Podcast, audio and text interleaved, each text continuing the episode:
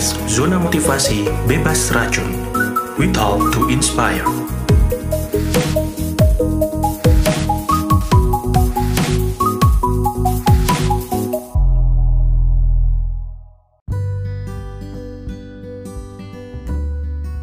Hai Assalamualaikum, kita balik lagi di zona motivasi bebas racun edisi emotional intelligence Ya memang minggu-minggu belakangan ini aku emang lagi under the snow uh, with my paperworks Jadi emang lagi ribet dengan segala situasi Juga uh, organisasi, kerjaan, kampus Juga ada nih baru-baru ini. Kita lihat pilkada serentak Itu juga lagi uh, digaungkan. Jadi banyak juga kontribusiku di sana jadi aku lagi aktif juga di sana. Tapi ya akhir-akhir ini semuanya sudah bisa dijalanin dengan lancar. Sampai sejauh ini uh, ya aku bersyukur aku bisa ngelewatin hal-hal ini sampai hari ini. Ya yeah, I think I'm I'm I'm, I'm good I'm fine. Uh, jadi aku langsung aja ke artikel. Di saat ini aku dapat dari Forbes. Yang nulis ini adalah Chris uh, Hector. Dia adalah uh, PhD di neuroscience tentang uh, otak dan psikologi yang pertama dia itu ngebahas tentang kecerdasan emosional yang tinggi atau EQ itu merupakan faktor pembeda dalam menuju kesuksesan keberhasilan. Dan karena hal ini berlaku di berbagai uh, domain seluruh jenis hidup aspek kehidupan maksudnya. Seperti jenis bisnis leadership politics, uh, education, pendidikan, sains, uh, dan bahkan keluarga juga kehidupan sosial. Kecerdasan uh, IQ di sini, EQ di sini adalah keterampilan yang teknis dan persyaratannya adalah kita harus terus belajar untuk mencapai titik tertentu. EQ ini bisa mengalahkan IQ setiap hari kalau kita latih. Ada faktor X yang memisahkan yang dari luar biasa dari yang biasa tapi aku bakal share 9 aja hal yang paling bisa kita lakuin dan mudah dipahamin juga paling gampang uh, diketahui oleh orang yang memiliki kecerdasan emosional dan kehidupan emosional mereka sendiri untuk ke orang lain. Yang pertama nih, mereka melihat apa yang berbeda tentang empathy. Empati ini adalah keadaan psikologis yang unik. Itu membedakan antara simpati ya dan empati. Simpati hanyalah tindakan kita kasihan orang lain. Kayak misalnya contohnya kita melihat seorang yang buta terus kita bersimpati, oh dia nggak bisa melihat. Tapi empati itu naik level lagi, jauh lebih menarik dari itu. Dia adalah proses mental yang memungkinkan seseorang untuk mengenali keadaan emosional orang lain. Jadi kita nggak perlu kayak berpikir kayak, wah kasihannya dia buta. Coba tanya dengan si buta tadi, bagaimana sih rasanya jadi buta?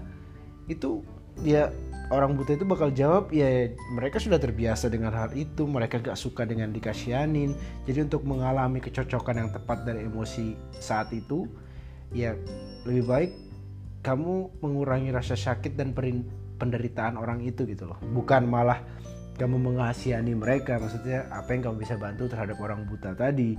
Mungkin uh, dia butuh teman ngobrol bukan untuk maksudnya mungkin kalau waktu ngelihat jam atau segala macam sudah ada teknologi yang ngebantu mereka seperti itu ya.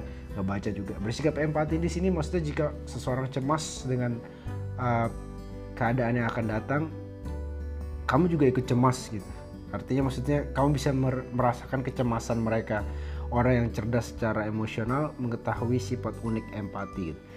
jadi uh, kita lanjut yang kedua mereka menghargai berbagai jenis empati Empatimu diwakili berbagai tindakan di otak dan tubuh maksudnya. Ada dua tipe. Yang pertama adalah empati secara emosional. Ini adalah empati kuno yang tertanam berada jauh di dalam daerah otak. Ini adalah bentuk empati yang panas yang terjadi di luar kesadaran kita. Yang kedua adalah empati kognitif. Empati emosional dan empati kognitif. Kognitif ini adalah empati yang baru, yang unik bagi manusia, yang banyak juga memiliki uh, bentuk emosi yang lebih primitif. Jenis empati yang lebih baru ini adalah pilihan yang sengaja diacak secara sadar yang sering disebut dengan pengambilan perspektif. Ini adalah empati kognitif ya. Jadi kita ngambil perspektif. Respon empati sepenuhnya merekrut empati emosional dan kognitif. Jadi dikombin, dikombine uh, orang dengan IQ tinggi bakal menyadari bagaimana uh, kombinasikan dua hal ini terus yang ketiga mereka sadar akan batasnya empati empati empati ini bukan total kita adalah sebagai obat ya maksudnya sebagai obat yang mujarab kita memiliki banyak empati artinya kita punya banyak waktu untuk uh, melakukan itu bukan seperti itu jawabannya psikolog dari Yale yaitu Yale University Paul Bloom berpendapat bahwa rasa empati ini terlalu besar bisa menjadi picik dan fanatik yang mengakibatkan dunia lebih peduli tentang seorang gadis kecil yang terjebak di dalam sumur daripada yang mereka lakukan tentang kemungkinan kematian jutaan dan jutaan karena perubahan iklim. Ada dua sisi ya tadi ya. Jadi karena kita kasihan seorang gadis yang terjebak dalam sumur, tapi kita melupakan tentang kemungkinan kematian jutaan anak-anak kecil karena perubahan iklim. Itu harus disadari. Ada batasnya untuk berempati. Ada waktu untuk empati emosional dan ada waktu untuk pengambilan keputusan yang lebih rasional dan free emotion, bebas emosi. Orang yang cerdas secara emosional menghargai batas-batas empati ini dan menggunakannya in the right time at the right place Oke. Okay. Uh, dan yang keempat, mereka memahami pentingnya emosi. Sistem kepercayaan kuno merekayasa gagasan kita bahwa emosi itu buruk. Para filsuf Stoa, uh, karena adalah saya filosofi teras, filsuf Stoa ini adalah guru-guru master saya. Misalnya melihat nafsu sebagai kelebihan dari uh, hedonisme dan penyebab penderitaan dan kesusahan kita. Bagi filsuf stoa kehidupan yang baik kehidupan yang baik kehidupan yang bijak adalah kehidupan yang bebas dari emosi. Di sang uh, penulis di sini tidak setuju dengan hal itu. Saya juga nggak setuju dengan hal itu. Psikologi dan ilmu persaraf dan ilmu saraf dalam beberapa dekade terakhir memang telah membuktikan bahwa emosi merupakan bagian yang integral secara linear atau garis lurus dari fungsi dasar manusia. Bahkan penalaran tingkat tinggi dan pengambilan keputusan sangat bergantung pada emosi. Oke, kita lanjut yang kelima. Mereka tahu alasan memiliki emosi. Ini adalah ciri-ciri orang yang hebat dalam IQ tadi ya. Masih kita balikin lagi, siapa tahu ada yang ketinggalan. Beberapa orang mungkin bertanya-tanya, mengapa kita memiliki emosi sejak awal? Apa tujuan emosi? Psikolog dan ilmuwan Nico Fritzda pernah berkata, emosi, emosi adalah tindakan.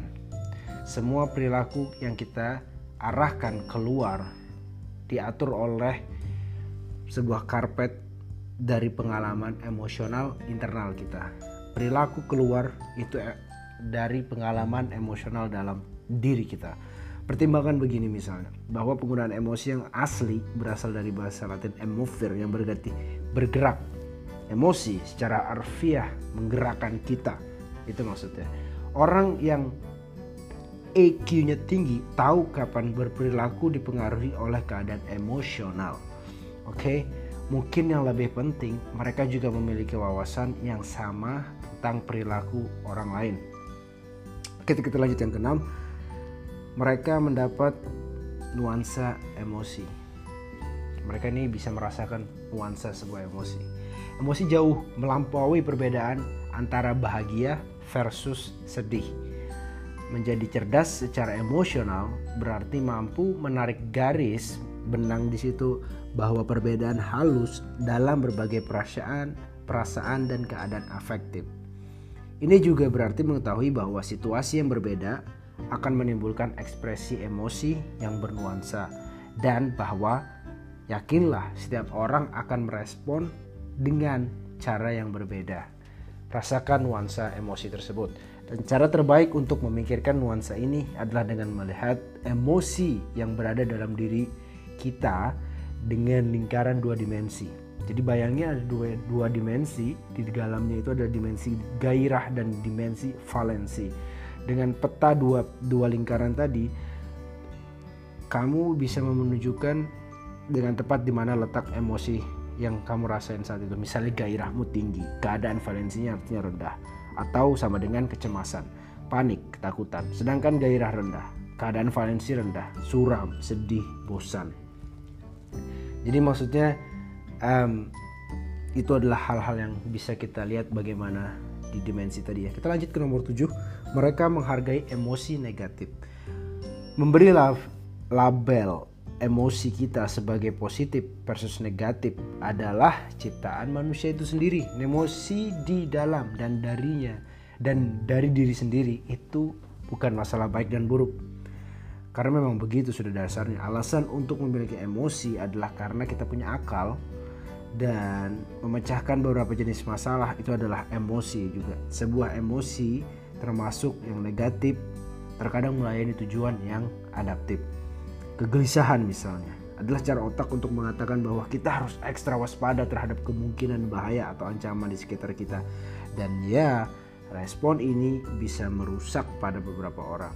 Tapi sekedar memahami fungsi kecemasan bisa membuatnya lebih mudah untuk menerima dan melanjutkan hidup atau survive. Terus yang kedelapan, mereka ini bisa memprediksi bagaimana emosi akan mempengaruhi perilaku in the future di masa depan. Banyak dari kehidupan sehari-hari kita, kita ini mencoba meramalkan apa yang terjadi di masa depan. That's fair. Kami berencana untuk membuat satu keputusan atas yang lain. Kita juga mengantisipasi tanggapan dari sebuah tim, atau kita juga bahkan mengurangi uh, resiko agar tidak terjebak dalam uh, negosiasi keuangan yang buruk. Tapi orang biasa dengan orang yang IQ-nya uh, tinggi itu sangat beda karena orang yang uh, benar-benar di bawah rata-rata IQ-nya, emotional quality-nya itu pasti sering gagal memperhitungkan dampak emosi di masa depan yang menghasilkan pengambilan keputusan yang buruk itu adalah hasil dari uh, dampaknya. Ini adalah bias sistematis yang disebut dengan kesalahan perkiraan yang afektif. Afektif bukan efektif ya. Orang dengan IQ tinggi di sisi lain lebih baik dalam perencanaan, prediksi karena memang mereka tahu emosi akan membuat keputusan itu berwarna gitu, ada warna-warni atau di perilaku itu juga gitu. Ya, karena memang this is what it is. Karena memang akan selalu begitu. Itu bedanya ya, yang tinggi dan yang rendah IQ-nya, bukan IQ-nya. Yang sembilan yang terakhir nih, mereka membeli label dan memahami penyebab emosi mereka.